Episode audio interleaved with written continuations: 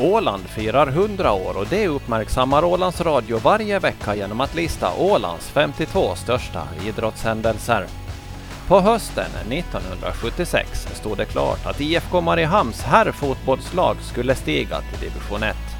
Inget herrlag hade varit så högt i seriesystemet tidigare. Men innan vi kommer till 1976 så behöver vi backa bandet till sommaren 1974 för det var då resan mot division 1 på något vis tog ordentlig fart. För det var då Henrik Henka Boström värvades som spelande tränare. Jag eh, blev klar eh, idrottslärare i, i Stockholm en vecka före midsommar 1974 och eh, då redan så hade jag ju sett i tidningarna, jag spelade ju i Älvsjö AIK, division 2 och då det här såg jag att, att, det där, att det fanns, vi var på en bortamatch och köpte jag husis på eh, vid, vid det här eh, T-centralen och så fanns där två lediga eh, gymnastiklärartjänster i, i Mariehamn för man införde grundskolan då. Och vi hade tänkt att, att vi, vi tar det ett år och sen så, så far vi till Sverige eller till fastlandet. Och nu har vi varit 47 år. Så det visar väl om att det är ett bra ställe att bo på det här. Det finns inte mycket bättre än det här. Och även, även äh, min fru så var ju lite tveksam först för att hon sa att hon kan ju inte finska. Så att, men det har ju löst sig under tiden. hon, har, ja. hon har klarat sig ganska bra, hon, även, även om, om hennes skånska inledningsvis kanske var lite svårare för ålänningarna än vad det var för henne. ja, det var en elev i, i tvåan som sa att nu har de fått en ny tränare, de har fått en norsk tränare här. Och säkert var det många som inte förstod vad hon sa men att det, där, det, det var det där. Hon lärde, ju sig, lärde sig en sån där äh, Kiitos näkemin maito som hon sa att Lasse Virén när hon fick ett stipendium av honom. Han blev lite förvånad. Nåja, men om vi går till fotbollen. Jag sökte, vi fick de här tjänsterna för det var inga andra sökande. Och äh, då sen så ringde då i samma veva så var det ju så att det jobbade, äh, jobba, äh, Roffe Witting jobbade på Ålandstidningen och han gick i, i äh, lyceet x antal klasser över mig och då var IFK utan tränare. Och, äh, och då sa han men där är ju en, fotbolls, en fotbollsspelare som har sökt jobb där. Och så ringde de och på den vägen är det. Att det var inte så mycket att fundera på. Och, eh, Men när, ja. du, när du kom hit då, hur, eh, hur såg IFK ut när, när du kom, kom och tog över som, som tränare? Eh, om man börjar träna klockan, man skulle börja träna klockan sex och då kom en del kom någon minut före och så kom någon en eh, fem, tio minuter över och så kom någon kanske en kvart, 20 minuter över att, att det, var det, där, det, det var ett gäng som länge hade hållit ihop men där det inte fanns riktigt, ska vi säga, den här eh, att eh, eh, de kraven ska vi säga som man måste ställa på ett lag om du vill vandra uppåt. Det vill säga att har man börjat med träningen halv sex så då är alla ombytta ute på plan färdigt att köra igång. Och det var tror jag lite samma som när IFK första gången steg till tvåan. Då var det ju en, en, en, en spelare från samma moderklubb som jag, gamla Karleby bollklubb, eh, Jalle Alstrand. Som, och vi spelade tillsammans i, i, i, GBK. Och han var en sån där som ville ha ordning och reda. Och det gav ju resultat direkt. För om vi ska fortsätta historien med GBK så kan vi ju säga, vem var det som förde upp eh, eh, IFK till ligan? Jo, men Pekka Lyski som också spelade med oss i, i GBK.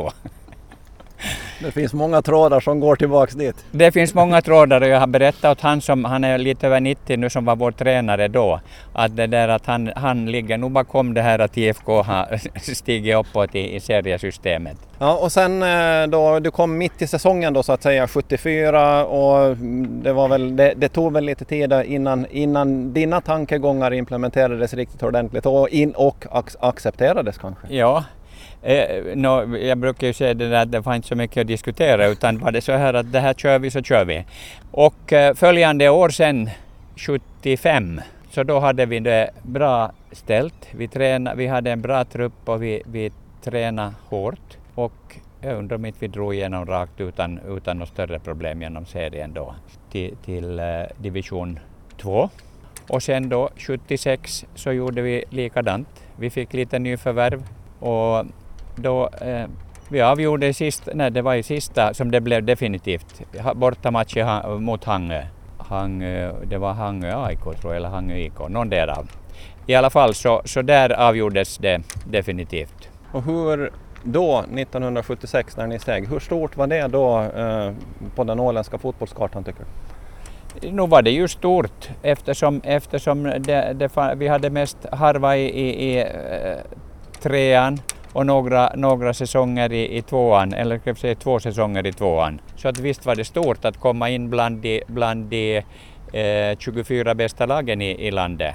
En sån här, och, och, då, och var, då var det ju på den tiden så var det ju, visst fanns det några från Åbo och, och från, från eh, andra ställen, men, men inte alls i samma, samma närmelsevis som, som det är idag. Men sen då när ni kom till, till division 1, hur stod ni er där då? Första året så, så ledde vi ju eh, säsong, serien där några, några eh, eh, omgångar och, och det gick ju bra. De var ju rädda för oss för att vi, i och med att vi spelade fotboll. Vi, vi sparkade inte utan vi lirade. men vi, eh, vi vann ju många matcher och de här, jag minns ännu när vi spelade mot, mot eh, var det Koshus från Lahti, så den här tränaren som hade varit eh, ligatränare och där och efteråt sen då han kom och sa att det, det är nog otroligt vad ni spelar fin fotboll.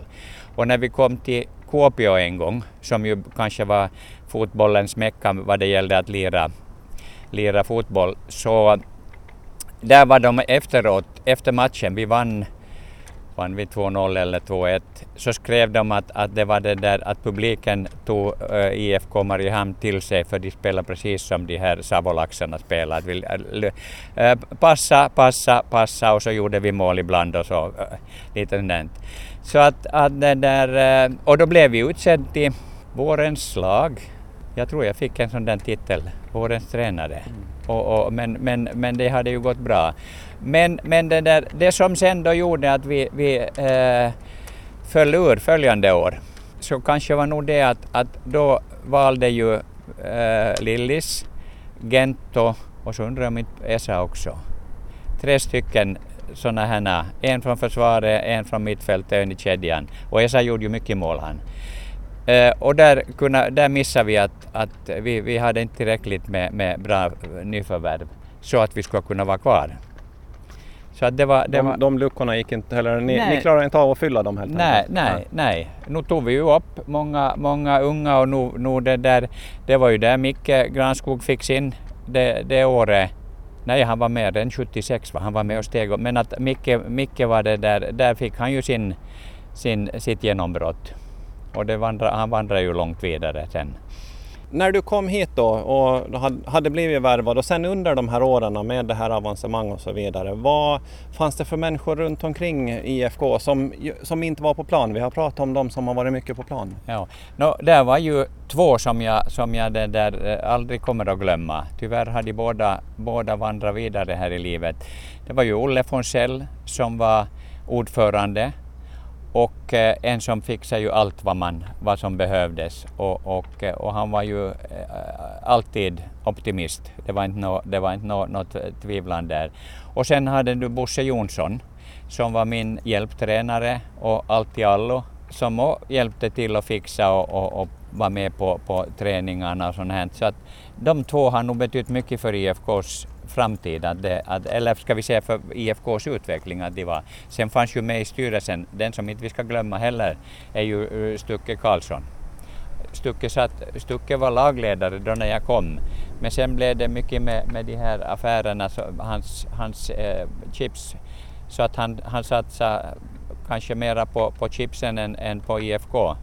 Så det kan ju hända vi skulle vara med i Champions League om Stucke skulle ha satsat på, på IFK istället för chipsen. Men, att den där, men det var ju vackert för resten av Åland att han, han var nog en viktig kugge där för att där fanns ju, han hade ju sina kontakter igen som han kunde få sponsorer och, och, och sånt. Så att, att det och det sa Henrik Henka Boström som var spelande tränare i IFK Mariehamn när de steg till division 1 till säsongen 1977.